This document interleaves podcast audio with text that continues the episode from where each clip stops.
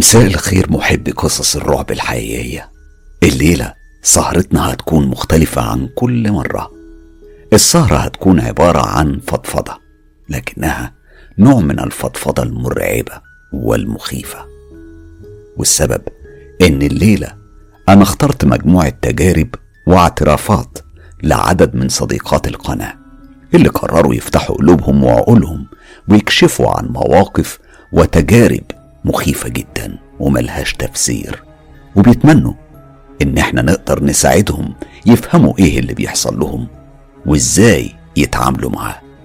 وكالعادة كل يوم سبت بحكي التجارب على صوت المطر والمزيكا الغامضة. ودلوقتي يلا إيه؟ يلا بينا.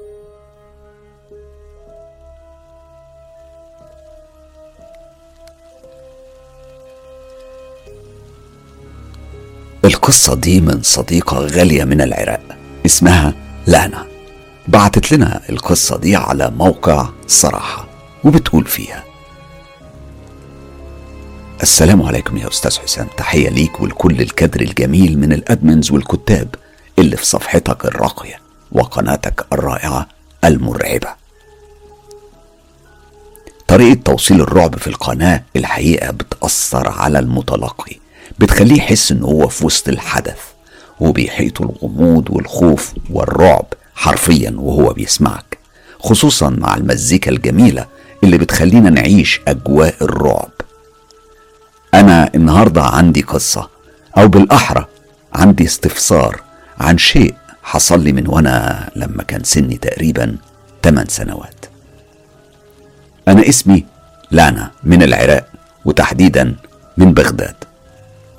كنت في الفترة دي أو في السن ده تحديدا اللي هو سن 8 سنين كانت فترة الصبح وكنت طالعة في الحديقة بتاعة أهلي. الحديقة دي مليانة بالياسمين والورود الجميلة. وأنا بتمشى شفت من بعيد فراشة لكنها كانت فراشة غريبة شوية. حجمها كان أكبر من الفراشة. تقريبا كانت قد العصفورة يمكن كمان أكبر بحبتين. أنا شفت ألوانها كان لونها عامل زي القهوة فيها نقط صفرة. الصراحة أنا حبيت طبعا وأنا في السن ده الفضول أكلني جامد إني أروح أبص عليها لأنها بجد لفتت انتباهي. لكن لما وصلت عندها لقيتها والله العظيم ده حصل. الفراشة كانت عبارة عن جسم راجل عجوز بس بجناحات. كان عنده أنف طويل. وأذنين طوال وحنك طويل واصل لصدره. أنا بصراحة حاولت أمسكه لكن لما قربت منه شفت إن الجسم مش جسم فراشة.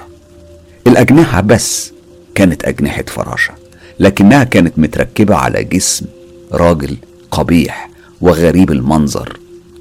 في الوقت ده أنا كنت اتجمدت في مكاني وهو طار وحط على راسي. وهنا سقط عليا شوية من رحيق الزهرة اللي كان بيمتص منها. وفي اللحظة دي أنا فجأة وقعت. جم إخواتي البنات شالوني هما كانوا أكبر مني. ولما صحيت لقيت نفسي مشلولة وما بتكلمش نهائي. أنا فضلت كده على الوضع ده تلات شهور في السرير. حتى المدرسة ما كنتش بروحها. والدي أجلها لي وكنت خلاص أنا وأهلي وصلنا لمرحلة اليأس التام من إني في يوم من الأيام هرجع أمشي تاني أو حتى هخرج من الحالة دي. لكن وبعد ثلاث شهور بالظبط صحيت الصبح لقيت نفسي بتكلم وبحرك إيديا ورجليا. ده كان موقف من المواقف اللي حصلت لي في سن 8 سنين. في البيت ده وبعدها حصل موقف غريب تاني لكن المرة دي حصل لأختي. أختي دي كانت والدة عندنا وكان طفلها الأول. كانت نايمة هي والبيبي الجديد وماما في أوضتها اللي كانت ساكنة فيها قبل الجواز. هي صحيت علشان ترضع ابنها. لما صحيت بصت لقت إن باب الأوضة بيفتح بشويش لوحده. الباب ده فضل يفتح يفتح يفتح. لحد ما فتح على الآخر. وهنا شافت إن في واحدة ست لابسة أسود في أسود. الست دي كانت بتزحف على ركبتها وجاية في اتجاهها. وفي اللحظة دي أختي حصل لها حالة خرس تام ما كانتش قادرة تصرخ ولا تطلع أي صوت. والست دي كانت لسه عمالة بتزحف في اتجاهها ووصلت عندها. بمجرد ما وصلت عندها فجأة قامت ورفعت ايديها عليها وضربت أختي على عينيها. وهنا أختي طلع صوتها ومحدش عرف هي بتصرخ ليه. هي كانت بتصرخ والدنيا ضلمت تماما في عينيها. فضلت تصرخ وتصرخ. وبعد كده اكتشفت انها اتعمت. أختي فضلت عامية لمدة أسبوعين كاملين. إحنا كنا من كتر ما لفينا على الاطباء وبندور أسبوعين كاملين بندور ومحدش عارف يحدد سبب العمى المفاجئ ده. في النهاية والدي قرر إنه ياخدها لسيد الإمام القاظم في بغداد ودخلها عليه. هي أول ما دخلت الضريح بتحلف يمين وبتقول إنها أول بس لما وصلت للباب الرئيسي بتاع الضريح حست إن الإيد اتشالت من على عينيها. وبقت بتشوف كل شيء بوضوح. المواقف ما انتهتش هنا. آخر موقف هحكي لكم عليه النهارده. هو موقف لأختي اللي أكبر مني بأربع سنين. أختي دي كانت بتحب ابن عمتي وابن عمتي بيحبها جدا. كان حبهم على فكرة بالنظرات بس لأن والدي كان محرم على حد من قرايبنا الشباب إنهم يفوتوا على بيتنا. وكمان إحنا محرم علينا الخروج لأي مكان. لكن عمتي دي كانت مش أخت أبويا من أم وأب لأ دي كانت اخته من الأم بس. وكانت بتتعلم من أبوها السحر والشعوذة. فلما ابنها قال لها إنه بيحب سلمى هي اتفاجئت وانصدمت وغضبت جدا لأنها كانت بتكره بابا وماما. وكمان بابا كان كارهها هي وولادها. اللي حصل؟ إن في يوم من الأيام جت عندنا بنت عمتي دي. كانت بتضحك وبتظهر لنا وش الحب والود والمودة. ودخلت أوضة أختي سلمى. كانت جايبة لها حلويات. وجايبة لنا إحنا كمان. واستلفت يومها من أختي هدوم بحجة إنها عايزة تروح لفرح ابن عمها. وما كانش عندها حاجة تلبسها. فأخدت من أختي حتى الشوز. هم أصلهم كانوا نفس العمر تقريبا. كانوا في سن 17 سنة في الوقت ده. المهم بعد ما أخدت منها الحاجات دي وأختي كمان أكلت من الحاجة الحلوة اللي هي كانت جايباها أختي فجأة وشها اللي كان أبيض محمر وجميل قلب وش أسود تماما. كانت بتصحى نص الليل ترجع دم وكانت بتزحف على الأرض ما تقدرش تقف. وكانت العفو يعني عن الكلمة دي. العادة الشهرية في كل شهر. موعدها كان بيبقى عبارة عن تقيؤ دم من بقها وشعرها. كله بدأ يتساقط كمان. كانت أختي آية من الجمال والإيمان. صارت فجأة بدون ملامح. الأحداث دي كلها حصلت في ثلاث شهور. أختي كانت بتشوف ناس كتيرة في بيتنا. بتقول إنهم كانوا بيضربوها. كمان كانت بتشوف معيز في الحمام وبتتخيل إخواتي الشباب كلهم حيوانات. كانت بتفضل الليل كله تصرخ وتطلع أصوات نباح زي الكلاب. وكمان كانت بتخربش في روحها ووشها. بابا وماما اتدمروا نفسيا علشانها. كانوا بيجيبوا لها شيوخ وكانوا بيرقوها ويقروا عليها لكنهم كانوا بيقولوا لبابا إنها قايم بيها عشيرة كاملة من الجن اليهودي. وهدفهم كان الموت والمرض. المهم بعد الثلاث شهور دول أختي كانت انتهت حرفيا. بقت بطنها تتنفخ زي الحوامل. أهلي كانوا بيتقطعوا ألم علشانها. بعدها بابا نقلها لمدينة الطب عندنا ودي على فكرة من أرقى المستشفيات في بغداد. وبعد التشخيص قالوا إن أختي مريضة بالسرطان. عافاكم الله سبحانه وتعالى. وفضلت أسبوعين بس بالمستشفى. وتوفاها الله سبحانه وتعالى. بعد ما تعبت وبكيت وصرخت. بعد الأحداث دي كان إخواتي يسمعوا أصوات مخيفة في أوضتها وبالتحديد في الدولاب بتاعها. بابا وقتها راح جاب شيخ صاحبه قعد في أوضتها وقرأ العزيمة البرهوتية. كان مكتف إيديه ومخلي قدامه كاس مية كبير وكان بيقرأ ويعزم لحد ما فجأة كلنا سمعنا صوت حاجة اتحدفت جوه الكاس. وهنا وقف الشيخ وفك إيديه وراح جاب الشيء ده اللي وقع جوه الكاس.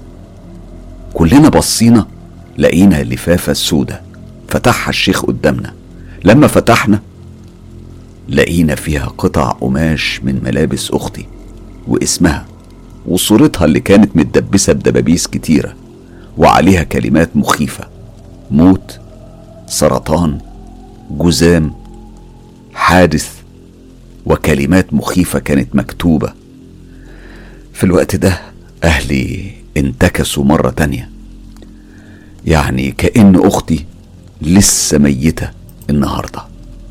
وبكوا بحرقة ومن يومها بابا قرر إنه يهد البيت كله. وبنى لينا بيت جديد. وقطعنا تماما عمتي المجرمة دي. وما شفناش بعدها أي حاجة تاني. دي كان التجربة اللي حبيت إن أنا أشارككم بيها علشان أحذر كل الناس من الناس اللي جواها قلوب سودة وشر كتير. أنا على فكرة عندي مواقف كتير في حياتي حتى بعد ما اتجوزت. لو حابين إني أكمل يعني هبقى أكملها لكم بس قولولي. لكن دلوقتي أنا مش هقدر لأن الصراحة افتكرت أختي والأيام السودة دي ومش قادر أكمل. أنا وأنا بكتب حاسة إن أنا ببكي وإيديا بترتعش. أنا آسفة لو ما كنتش اتكلمت مصري كويس لكن من حبي وعشقي ليكم على قد ما قدرت حاولت إن أنا أتكلم مصري. بشكرك كتير ولسعة صدرك يا أستاذ حسام. لنا قصتك مؤثرة جدا وطبعا كل دعواتنا لأختك ربنا سبحانه وتعالى يرحمها ويمنحها الجنة ويعوضها عن حياتها هنا بيتنا. بشكرك يا لانا وربنا يقويك ويقوي أسرتك وإن شاء الله يا رب تكون حياتكم أحسن. وبكل تأكيد أنا في انتظار باقي قصصك لما تكوني جاهزة. القصة دي وصلتني على موقع صراحة. هي برضو ضمن مجموعة آه، التجارب الحقيقية المرعبة والمخيفة واللي قررت إن أنا أسميها النهاردة عبارة عن فضفضة. لأن هي تجربة برضو تبدو في صورة فضفضة. تجربة مرعبة ومخيفة. تعالوا نسمعها سوا. أنا طبعا ما وصلنيش اسم صاحبة القصة وكل الأسماء اللي هتسمعوها جوه القصة هي أسماء مستعارة. الحقيقة مش عارفة إن كانت تجربتي مهمة ويتحكى عنها ولا لأ. بس أنا بعتها لحضرتك والأصدقاء مستر كايرو علشان في أسئلة كتير قوي عاوزة إجابة. هتعرفها مع الأحداث. البداية كانت من سنتين لما تقدم لي شخص من العيلة. صفة القرابة ما بيننا كانت بعيدة جدا يعني تكاد تكون معدومة. هو الحقيقة كان يقرب لخالاتي وخالاتي دول إخوات ماما من الأب بس. أصل جدي ربنا يرحمه كان متجوز ثلاثة فبالنسبة لي يعني هو مش قريبي. المهم إن الشخص ده اتقدم لي. أنا رفضت. هو أكبر مني ب 17 سنة لكن مش باين عليه السن. وده في الحقيقة مش اللي خلاني أرفض. أنا رفضت لأسباب تانية أنا عارفاها عنه. ومفيش داعي إن أنا أذكرها. لكن للأسف رفضي ده اتقابل بهجوم من أمي ومن خالاتي لدرجة إن حتى معاملة أمي اتغيرت معايا. أمي بقت بتقف لي على أقل كلمة وخالاتي اللي حاولوا يقنعوني كانوا حتى بيعيطوا عشان يقنعوني. خالة من خالاتي طلبت مني إن إحنا ننزل نقعد في أي كافيه ونتكلم علشان تعرف أنا رفضاه ليه وإيه اللي حصل. أنا فعلا نزلت معاها لكن لما نزلت معاها اتفاجئت إنه داخل علينا. طبعا كل ده كان مترتب. هو قعد وقال لي أنا عاوز أعرف انت بترفضيني ليه؟ أنا قلت له أسبابي. قال لي انت جاية تحاسبيني على حاجة بقالها 8 سنين وكمان انتهت. أنا قلت له بس الحاجة دي مش سهلة. مش قليلة إني أعديها وأتهاون فيها. اللي خلاك تعمل كده؟ ما أضمنكش. تعمل معايا أنا. إيه؟ المهم من الكلام الكتير والزن أنا وافقت. بس من جوايا أنا كنت موافقة بشكل مؤقت. وكنت عاملة حساب إني هرفض تاني. وفعلا بعد الخطوبة اكتشفت فيه عيوب أكتر بكتير من حتى الموقف اللي أنا رفضته علشانه. وعرفت إني أنا مستحيل هينفع أكمل مع الشخص ده. لكن رفضي المرة دي كان له تفسير تاني عنده هو. هو قال إني كنت طبيعية وكنت ابتديت أعجب بيه وأتقبله وإن إحنا كنا كويسين. لكني فجأة اتقلبت واتغيرت. وعلى فكرة دي مش حقيقة. إحنا كنا بنتخانق كتير وما كناش متفاهمين. هو قال إن حد عامل لي حاجة وإن أنا مش طبيعية. هو قصده طبعا إن معمول لي عمل وفعلا ابتدى يمشي في السكة دي. وطلب يقابلني. كان بيتكلم بقى كلام من نوعية قومي اللي عليكي لأن هو اللي بيبعدك عني. وخلاني أكلم واحد على أساس إن هو شيخ يعني يكلمني وكلمني في التليفون. الشيخ ده قال لي أقول بعض الآيات. أنا قلتها لكني ما كنتش حابة الطريقة. أنا عارفة نفسي كويس وعارفة إني مش عليا حاجة. المهم الراجل ده قال إن عليا جن عاشق. وإن أنا لو مش مصدقاه أروح لحد تاني. ولو حد قال غير للشخص ده قاله يبقى هو ما بيفهمش حاجة. ده كان الكلام للشخص اللي كلمني قالهولي متقدم لي ده كلم خالتي. خالتي دي متجوزة في البلد وهي كلمتني وقالت لي في إيه ومالكم؟ وإيه اللي حصل؟ وإيه اللي غيرك كده؟ أنا قلت لها مفيش أنا مش عايزاه مش مرتاحه له. قالت لي طيب تعالي اقعدي عندي يومين كده وروقي. وعادي يعني لو مش عاوزاه. في الفترة دي أنا ومن خلال الفيسبوك ووسائل التواصل الاجتماعي كنت عارفة إنه في البلد. طبعا هتقولي وبتراقبيه ليه؟ هقولك. أنا كنت براقبه خوف لأن هو فعليا عمل لي حالة خوف منه ومن شخصيته لأن دي أفعال واحد مش طبيعي لدرجة إنه بقى يألف عليا الكلام وكل اللي فيه بيجيبه فيا. المهم قلت لها لما يمشي أنا هاجي. قالت لي بصي هما ماشيين الفجر هو ومامته وباباه فقلت لها أكيد؟ قالت لي أكيد. أنا فعلا رحت البلد لكن والله قلبي كان مقبوض بشكل غريب لدرجة إني فكرت أتراجع وما روحش. لكن اللي خلاني رحت كلامه عليا مع أمي وقد إيه إن أنا وحشة واللي زعل إن أمي كانت بتسمع منه وبتيجي تزعق فيا كأن كلامه هو صدق ونازل من السماء الفكرة إنك لو شفت الشخص ده هتقول ده محترم وهادي وما يطلعش منه العيبة ابدا. بس لما بتعاشره هتعرف إنك بتتعامل مع شخص مش طبيعي. المهم إني رحت البلد ومن هنا بتبدأ الأحداث والأسئلة. هناك أنا قابلت تحت بيت خالتي شخص الشخص ده كان جار لخالتي. أنا كنت عارفاه لأني رحت زمان زيارة وأنا صغيرة وكانت خالتي صاحبة مراته. ورحنا عندهم أكتر من مرة وهو كان موجود ووقتها كنت اتعرفت عليه كويس. المهم إني سلمت عليه عادي وطلعت. بالليل الشخص ده جه سلم عليا وقعد يحكي لي حاجات عني وعن اللي متقدم لي وقال لي إن هو ما شافهوش أصلا وحكالي إن أنا كنت بحب شخص وإن الشخص ده اتجوز ومراته حامل وتفاصيل كتير. بس التفاصيل دي مش خاصة لدرجة إني أجزم يعني إن محدش آه، يعرفها غيري. لا دي حاجات أغلبها يعرفها الشخص اللي كان اتقدم لي ده. يعني ممكن حضرتك تسميه أي اسم. بس ساعتها أنا ما فكرتش وانبهرت جدا بكلامه. وابتديت أنفذ كل اللي بيقول لي عليه. هو طلب مني آخد شاور في الأوضة بمية ورد وقال إن دي ما فيهاش أي حاجة وقرا عليها الفتحه واداني مسك وطلب مني أحطه في مناطق معينة في جسمي. واداني كمان أعشاب علشان أشربها. وقال لي ما تقلقيش من حاجة. لدرجة انه قال لي بصي أنا هشرب من الحاجات دي علشان تطمني. وفعلا شرب. المفاجأة اللي اكتشفتها بعد كده إن الشخص اللي متقدم لي ده ما مشيش من البلد زي ما قالوا. ساعتها مامته وباباه مشيوا لكن هو فضل عند قرايبه. تعال بقى نرجع لموضوعنا. الشخص هنقول عليه مثلا الشيخ علي. عشان بس الأسماء والخصوصيه هنسميه الشيخ علي. الشخص اللي اسمه الشيخ علي ده فضل يتكلم معايا ويقنعني آه إن اللي متقدم لي ده كويس وساعتها حلف على المصحف إن معمول لي عمل على نجاسة. دي كانت كلمته. وقال لي إنه مش معمول مرة واحدة لأ ده معمول مرتين وثلاثه لأ ده يمكن أكتر من كده. وقال إن اللي عامل العمل ده دافع 11 ألف جنيه. أنا بصراحة ما صدقتش لكني كنت بسمع كلامه بتركيز. وفي الجلسة اللي طلب مني فيها ألبس عباية بيضة وتحتها أكون لابسة آه، الداخلي بس وأسفع على اللي بقوله لكني بحكي بأدق التفاصيل علشان الأسئلة اللي في دماغي وملهاش إجابة. هو كان بياخد طرف العباية وبيغطي بيه البخور اللي مولعه. وأنا واقفة.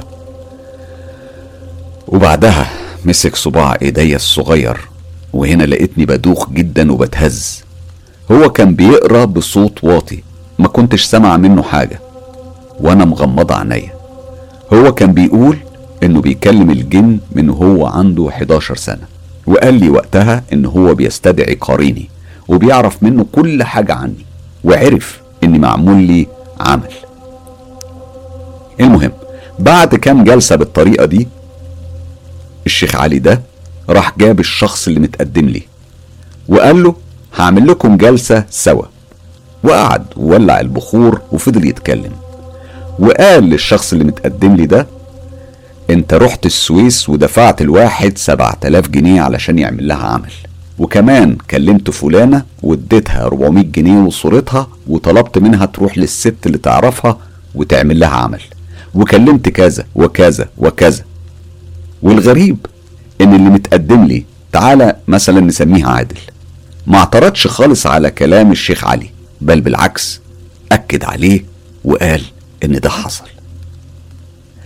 طبعا هو عرف إزاي يقنعني وإن ده كله من باب الحب.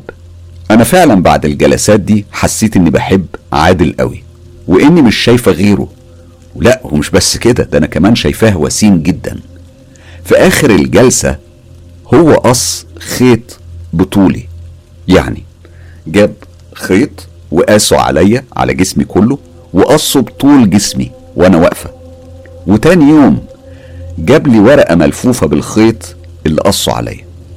وقال لي ده حجاب وده كمان واحد برضه لعادل. وقال الحجاب ده يفضل في شنطتك أو أوضتك وما يتفتحش. وما تخافيش طبعا لأن اللي موجود جوه الحجاب ده مجرد عبارة عن آيات قرآنية. أنا صدقته ورجعنا من البلد وبقيت أنا اللي بقنع أمي بعادل وأقول لها قد إيه هو شخص كويس وطيب وجميل. وكمان حصل حاجة نسيت أقولها. أنا عمري عمري في حياتي ما حلمت بكيان غريب أو جن أو شبح. لكن أثناء الجلسات دي في يوم وأنا في البلد حلمت حلم الحقيقة أنا مش عارفة إن كان ده حلم ولا لأ. لأن عقلي رافض يصدق إن ده ممكن يكون حقيقة. أنا حلمت اني شايفة مني اتنين. يعني أنا كنت مرتين. في كنت مثلا نايمة على السرير وأنا برضه واقفة قدام السرير وببص عليا وأنا نايمة. بس أنا عارفة إني أنا اللي نايمة على السرير.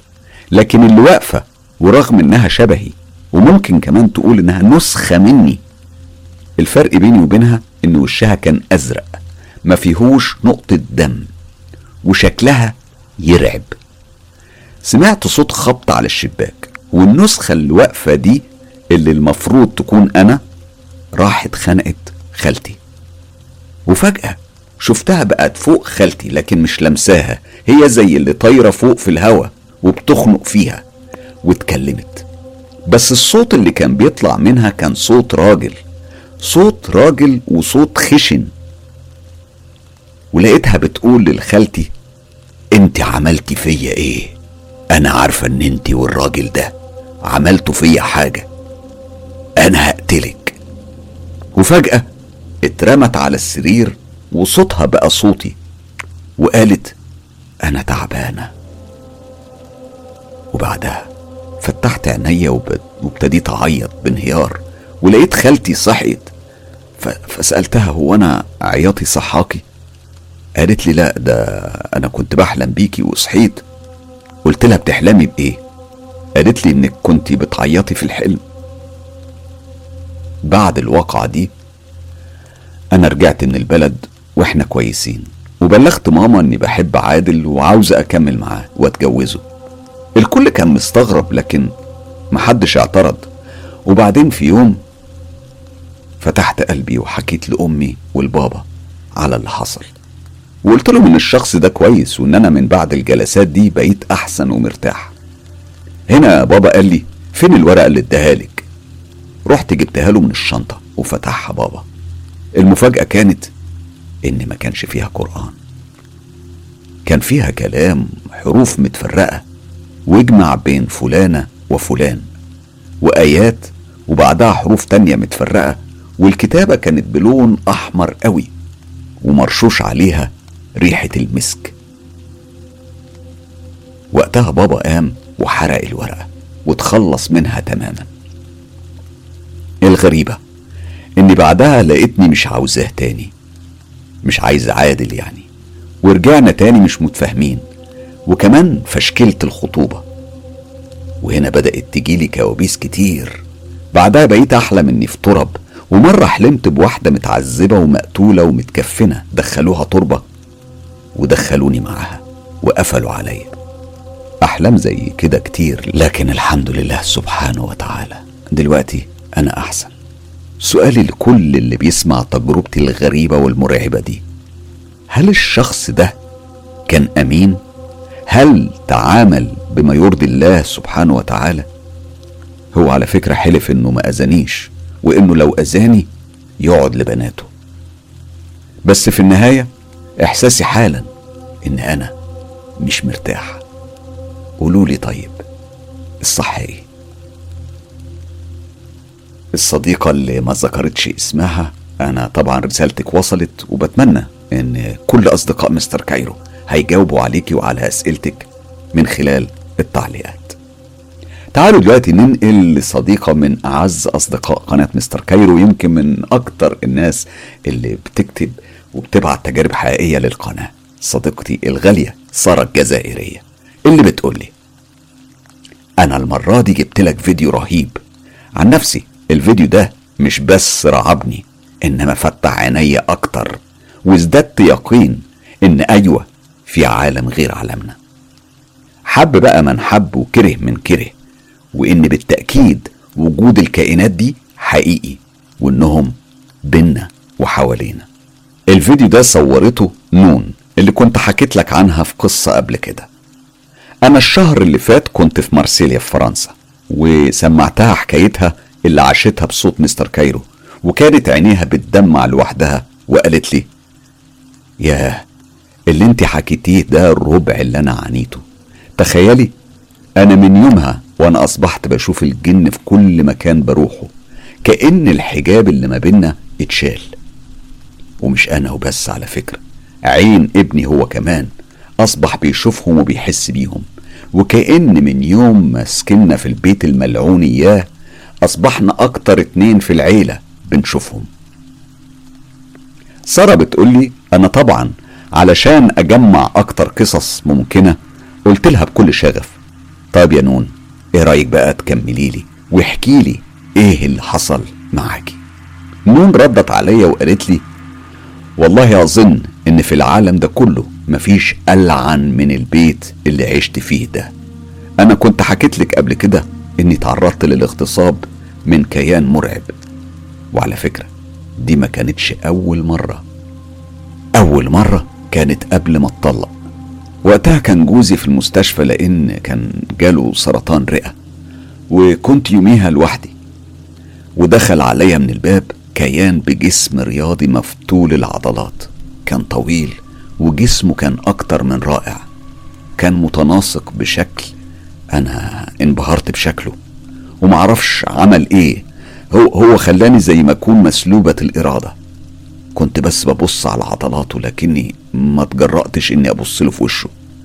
هو كان متجه في اتجاهي وبعدين جه جنبي واتمدد وابتدى يلمسني. أنا كنت مستسلمة له كليا وسبته يعمل معايا علاقة كاملة. اتكرر الموقف مرة واتنين وتلاتة.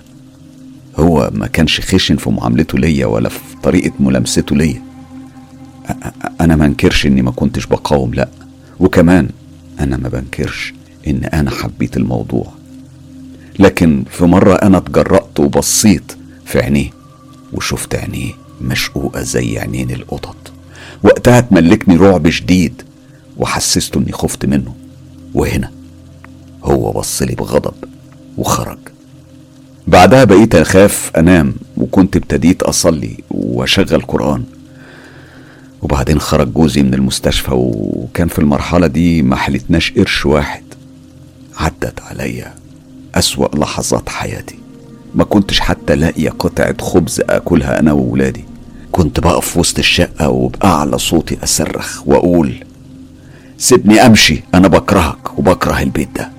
ما كنتش بحب أبين لولادي علشان ما يخافوش أصلا لأن ما كانش في حتة تانية نروحها.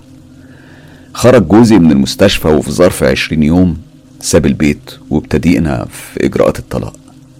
الكيان اللي كان بيظهر لي ده كان بيظهر لي لما أكون نص نايمة يعني أنا كنت بيني وبين نفسي أقول ده حلم بس مش أكتر. مع إن كان الإحساس والملامسات حقيقية. إلا إني بعد العلاقة كنت بفتح عينيا ألاقي الشمس ابتدت تطلع. يعني ده أكيد كان حلم. إلا إني بعد تشغيلي للقرآن الكريم والصلاة رجع لآخر مرة. والمرة دي جاني على شكله الحقيقي شكله المرعب. شكل كان أول مرة أشوفه فيها. والمرة دي كان خشن قوي في معاملته ليا. ألمني. كان زي الحيوان المفترس اللي انقض على فريسته والمرة دي ما كانش حلم. كان حقيقي لدرجة إني كنت حاسة بألم رهيب في مناطق معينة. سارة بتقول وبعدين نون مسحت عينيها وقالت لي ده حتى مرة كانت بنتي هه مع ابني عين بيلعبوا وأنا كنت ماسكة الموبايل وبصور فيهم. وبالصدفة صورت حاجة غريبة والحاجة دي أنا لسه شايلها لحد دلوقتي. وقامت ورتني الفيديو. هو يبان فيديو عادي كل اللي بيظهر عليه هو ظهور هالة من النور من العدم ومرورها بشكل سريع قدام هه هه وبالرغم من صغر سنها قالت لمامتها ماما في جن. هتشوفه في الفيديو اللي هبعتهولك. بس اللي مش عادي في الفيديو وده على فكرة بفضل مجهود مني وحب الاستطلاع والفضول اللي تمكن مني قدرت إني أطلع وجه لجن. أنا بس بالموبايل بتاعي قدرت أعمل ده. أنت كمان مستر كايرو فيك تعمل على الفيديو نفس الموضوع وتعمل زوم وتلعب بالألوان. هتشوف وهيطلع لك وجه لجن. أنا والله حاسة بنفسي إني بشتغل في مجال الماورائيات. أنا هبعت لك الفيديو وأنت قول لي رأيك إيه. أنت شايف نفس اللي أنا شفته؟ يا ريت تقول لي يا أستاذ حسام. هل اللي اتصور ده كيان أو مجرد تخيلات. على فكرة أنا لما كنت بتفرج على برامج ما وراء الطبيعة الأجنبية كلهم بيعتبروا الهالات الضوئية حضور للشبح. وأنا في الوقت ده كنت دايما بقول إيه الهبل ده؟ ده أكيد غبار معدي عادي يعني. وبغير القناة. بس بعد اللي اكتشفته ده أكيد أنا مصدق إن الهالات الضوئية مش غبار. ما أنا مش هعرف أكتر من المحترفين. يا جنون.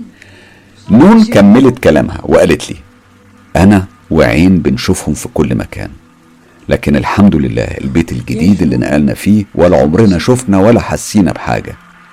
بس إحنا حصل لنا كام موقف كده.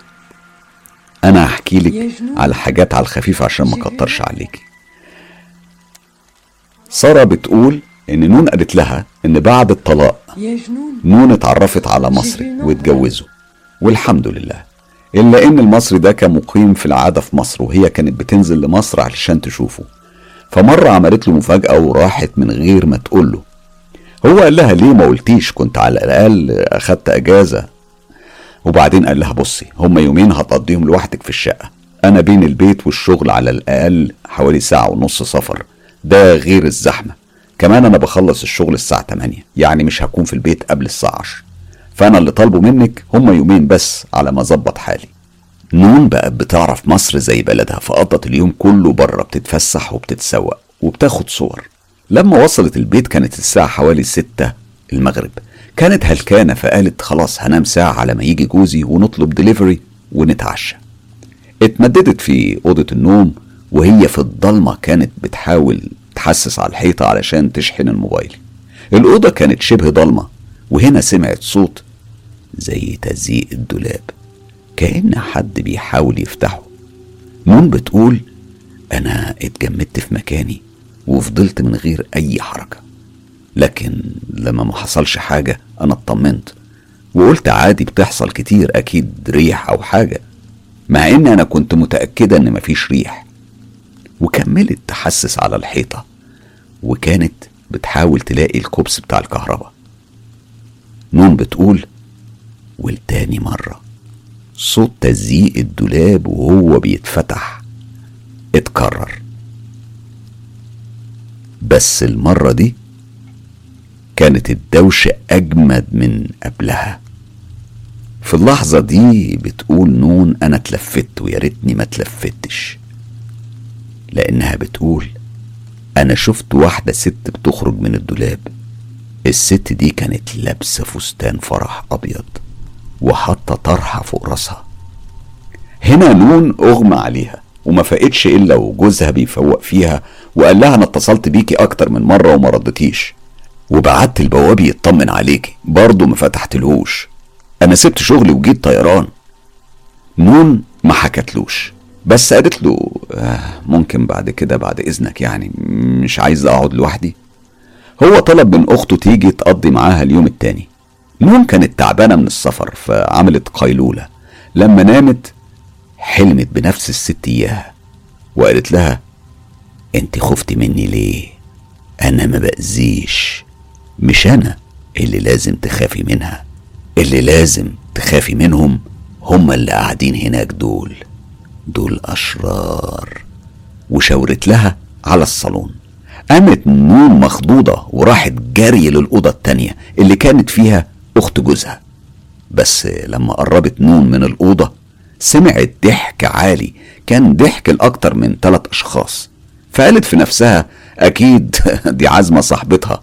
أنا عموما إيه مش هزعجها. لما يبقوا يروحوا صاحباتها دول هبقى أسألها عن البيت ده وحكايته. راحت نون للمطبخ علشان تعمل كابتشينو علشان تهدى. المطبخ ده على فكرة لازق في الصالون. وهي معدية جنب الصالون اتفاجئت. بأخت جوزها ممددة على الكنبة وحاطة سماعات وبتتفرج على اللابتوب. ضحكت نون وقالت لها إيه يا بنت البرود اللي انت فيه ده. انت سايبة ضيوفك لوحدهم وقاعدة هنا بتتفرجي على فيلم. هو إيه ده؟ ردت أخت جوزها وقالت لها ضيوف مين اللي بتتكلمي عليهم؟ نون ما اتكلمتش جريت وراحت الأوضة وفتحتها. وهناك ما لقتش أي حد جوه. من غير ولا كلمة راحت بتلم في هدومها وبتقول أنا مش حمل اعيش رعب تاني أنا مش هقعد في البيت ده. وحكت كل حاجة لأخت جوزها. اللي قالت لها أيوه الست بتاعت الدولاب دي طلعت لنا كلنا بس والله ما بتأذيش حد دي طيبة جدا. نون زعلت جامد واتخانقت مع جوزها وقالت له أنت ليه جبتني البيت المسكون ده؟ هو قال لها إن دي خرافات وإن هو مش مصدقها ولا مصدق إخواته. اللي قالوا إنهم شافوها. دي حكاية من حكايات نون. معرفش إذا كان حد عنده تفسير للي حصل ده وأصله إيه وإيه الحكايات اللي وراه. بتمنى تكتبولي في التعليقات وتعرفوني.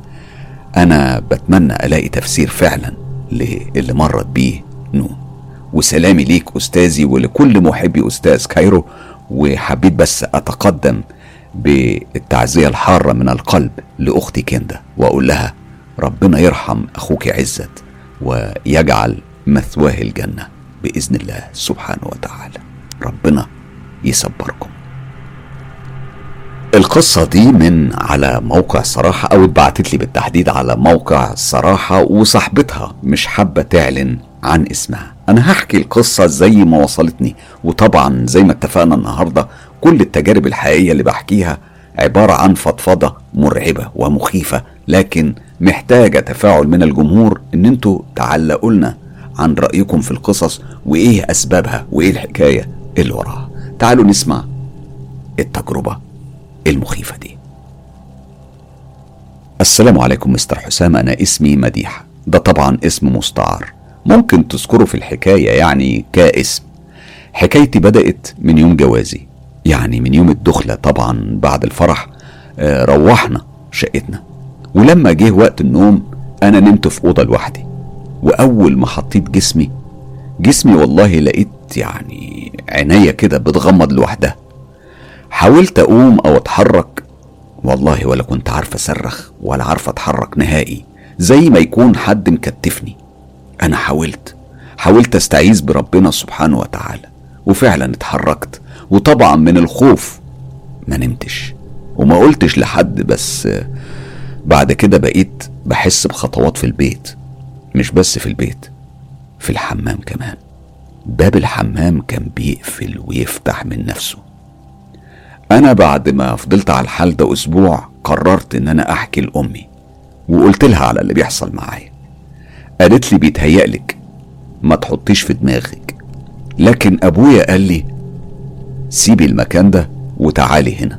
على فكرة بيت أبويا تلات أدوار. وقتها أنا سكنت في الدور الأول. عدت أيام كتير. كل حاجة كانت اتظبطت وبقت تمام لحد ما خلفت بنتي.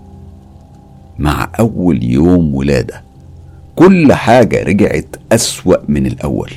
كلهم كانوا بيقولوا لي ده اكتئاب بعد الولادة وإن ده شيء عادي. أنا كالعادة قررت أسمع كلامهم وصبرت. لكن بعد شهر اللي كنت بحس بيه من خطوات بقت مش بس إحساس أنا كنت بشوف وبسمع. أول ما الليل يجي أبدأ أسمع أصوات كتير جوه وداني وأبدأ أشوف خيالات سودة كتير. كنت بصرخ وصرخ لحد ما كل اللي في البيت بيصحوا. أبويا كان بيطلعني عنده فوق في بيته. وينيمني على رجليه ويقرأ قرآن. في النهاية وبعد ما الموضوع ده فضل يتكرر أمي قررت تاخدني لشيخ وحكت له على اللي بيحصل. الشيخ ده طلب مني إن أنا أقف وأمد إيديا لقدام وقعد يتكلم. أنا بعد كده ما حسيتش بأي حاجة بس لما رجعنا البيت أمي قالت لأبويا إن الشيخ بيقول إن في عمل مرشوش على عتبتين. أنا على فكرة عدى عدد العتبات اللي في بيت والدي. فعلا بيت والدي له مدخلين. أنا أمي طبعا عملت كل حاجة الشيخ قالها لكن برضه الحالة وصلت للأسوأ. كل لما أجي أنام أسمع الأصوات وأشوف الخيالات. والجديد بقى إني كمان بقيت بحس إن في حد بيلمسني. والله كنت بحس بكف إيده بتتحرك. كنت خلاص قربت أتجنن. أنا وصلت لمرحلة إني بقيت بخاف أنام. وأمي بقى كل لما تسمع عن شيخ أو شيخة أو حتى اللي بيوشوشوا الودع بتاخدني عليهم على طول. أنا وصلت لمرحلة إني كرهت جوزي وكرهت بنتي. حاولت أنتحر. حتى ده ما نفعش معايا. لحد لما عمتي سمعت باللي بيحصل معايا وقالت لوالدي هات مديحة وتعالى رحت الشيخ ربنا يرحمه ويغفر له ويسكنه فسيحة جناته. بصراحة عملت معاه جلسة لم تتعدى النص ساعة ويمكن 25 دقيقة. هو كان بس بيبص لي وبيحرك شفايفه من غير صوت. كل اللي كان بيعمله إنه بس بيبص لي. وبعد ما خلص قال لي ما تسيبيش فرد ولا ذكر وحصني نفسك. وبعدها قال لي أول ما أمشي من عنده أدخل شقتي. صحيح نسيت أقول لك إني كنت بخاف أقعد من غير والدي كنت حتى بنام جنبه لاحساسي إن هو بس اللي هيقدر يحميني. الشيخ ده قال لي على دعاء أواظب عليه ودعاء قبل النوم.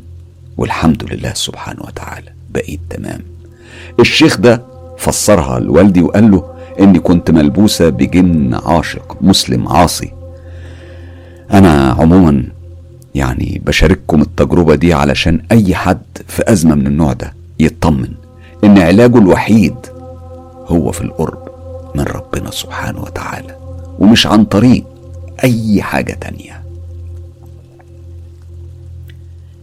بشكر صاحبة التجربة اللي أنا مش عارف اسمها وبتمنى فعلا إن رسالتها تكون وصلت. مفيش أحسن ولا أقرب من ربنا سبحانه وتعالى. في أي نوع من الأزمات.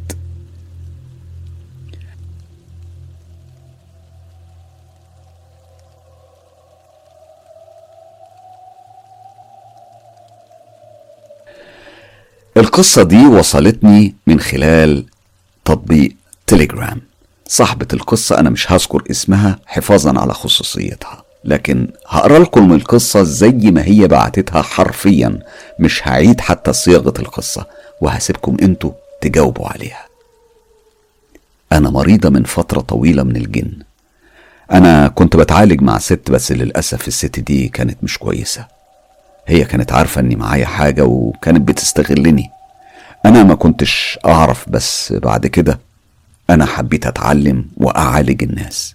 هي كانت بتقول لي آيات من القرآن علشان أشغل الحاجات اللي معايا. وفعلا أنا كنت بعمل كده. وبدأت فعلا أشغل الحاجة اللي معايا دي.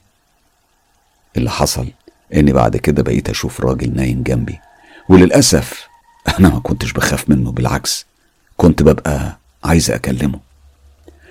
بعد فترة بقيت بنام كتير قوي بس أول ما أنام كنت بلاقي نفسي بكتب حاجات غريبة. وفي مرة وأنا بحلم لقيت واحد غريب كده بيضحك لي قوي وبقيت أشوفه على طول في المنام كان بيكلمني كتير. ودايما بيحط بارفان في إيديا. كنت بقوم من النوم ألاقي البارفان فعلا على إيدي. غير كده كمان كنت بلاقي نفسي متحنية في إيدي.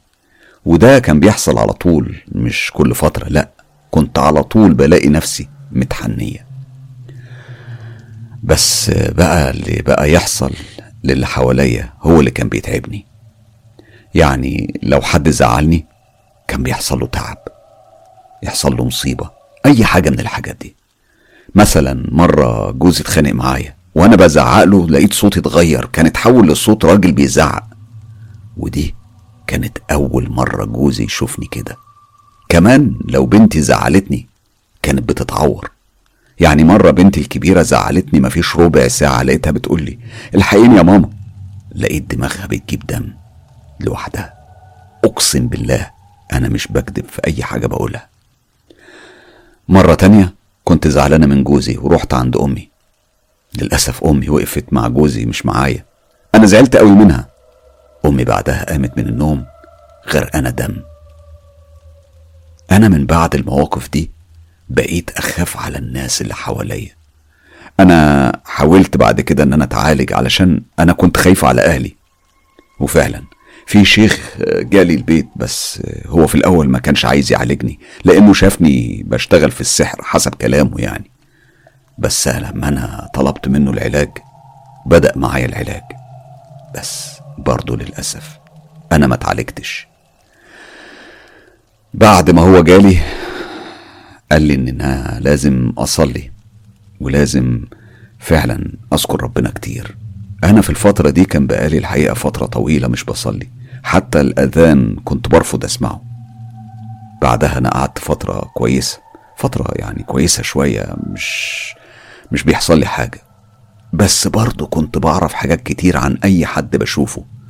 مثلا كنت باخد شقة جديدة وصاحبة الشقة ما كنتش برتاح لها. وعرفت حاجات كتيرة مش كويسة. وفعلا طلعت كلها صح. واللي أكد لي على كلامي أخت جوزها. أنا أنا أنا ليا طلب واحد بس. أنا نفسي أعيش زي أي حد عادي. أنا بتعب قوي لما أعرف إن اللي قدامي مش بيحبني وعامل نفسه بيحبني. من شهر تقريبا كده جوزي زعلني. وهو كان في الشغل. أول ما قفلت التليفون لقيت نفسي عايز أنام. عايز أنام نوم عميق. وفعلا نمت مع إني مش بنام على طول ودي طبيعتي من زمان. مفيش عشر دقايق. لقيت بنتي جاية بتصحيني علشان أكلم باباها وفعلا كلمته. لقيته خايف جدا. سألته مالك؟ قال لي دلوقتي كان معايا زميلي في الشغل وكان بيكلمني. سبته عشان أروح أبص على الكمبيوتر. بعد كده رجعت. ما لقيتش صاحبي. لما أنا قلت له طب ما هو ممكن يكون مشى قال لي لا لو مشى كان لازم يعدي من المكان اللي أنا واقف فيه. جوزي كان هيموت من الخوف. هو طبعا ما يعرفش لحد دلوقتي إن اللي حصل له ده كان بسببي. أنا طلبت منه إنه يشغل قرآن ويستعيذ بربنا سبحانه وتعالى. دلوقتي أنا بجد خايفة جدا على بناتي. أنا مش معايا غير اتنين بس. على فكرة جوزي عارف وبنتي كمان عارفة اللي بيزعلني بيتعب وبتحصل معاه مشاكل. كمان أنا من زمان بعرف أي حاجة بتحصل لي أو أي حد قريب مني وبحلم بأي حاجة هتحصل. زي مرة مثلا أنا حلمت بإن ابن خالتي إنه مع جدي وجدي ده متوفي. لما حكيت لجوزي قال لي لا ده حلم عادي. أنا قلت له لا في حد هيموت. بس كنت خايف أقول إن ابن خالتي هيموت علشان هو زي أخويا وأحسن كمان. دلوقتي عايز أعرف أعمل إيه؟ أعمل إيه علشان أهلي؟ أنا والله العظيم مش خايفة على نفسي أنا خايفة عليهم هم. تجربة مخيفة وفعلا حاجة مش لطيفة إن الواحد يبقى عارف إيه اللي ممكن يحصل أو إيه يتوقع يعني إيه اللي ممكن يتحقق. دي حاجة مش حلوة. البعض جايز يفكر إنها حاجة لطيفة لكن أنا متفق مع صاحبة التجربة. دي حاجة مخيفة ومرعبة. هسيبكم تجاوبوا على كل الأسئلة اللي سمعتوها في الفضفضة المرعبة اللي عشناها النهاردة. أتمنى تكون حلقة النهاردة بكل التجارب اللي فيها تكون نالت إعجابكم. لو حابين إن أنا أكرر فكرة الفضفضة بشكل يعني كل فترة أنزل بفضفضة رعب قولوا لي في التعليقات. لو عندكم تجارب حقيقية وحصلت بالفعل ليكم أو لحد من أصحابكم وحابين تشاركوا بيها أصدقاء مستر كايرو. ابعتوا التجارب على الصفحة الرسمية للإعلامي حسام مصباح على موقع التواصل الاجتماعي فيسبوك أو على موقع صراحة أو تطبيق تليجرام كل الروابط دي هتلاقوها موجودة هنا في خانة الوصف. وللحصول على كل الحصريات انضموا ل group تجربة رعب مستر كايرو وصفحات القناة صفحة هستيريا قصص رعب وكمان صفحة مستر كايرو على فيسبوك. أما بقى لو حابب تدعم تجربة مستر كايرو ادعمه بالاشتراك في القناة والإعجاب بالكليب لو عجبكم وطبعا share الكليب في كل مكان واتساب ماسنجر إنستجرام وأخيرا يوتيوب. خلي الدنيا كلها تعيش تجربة مستر كايرو.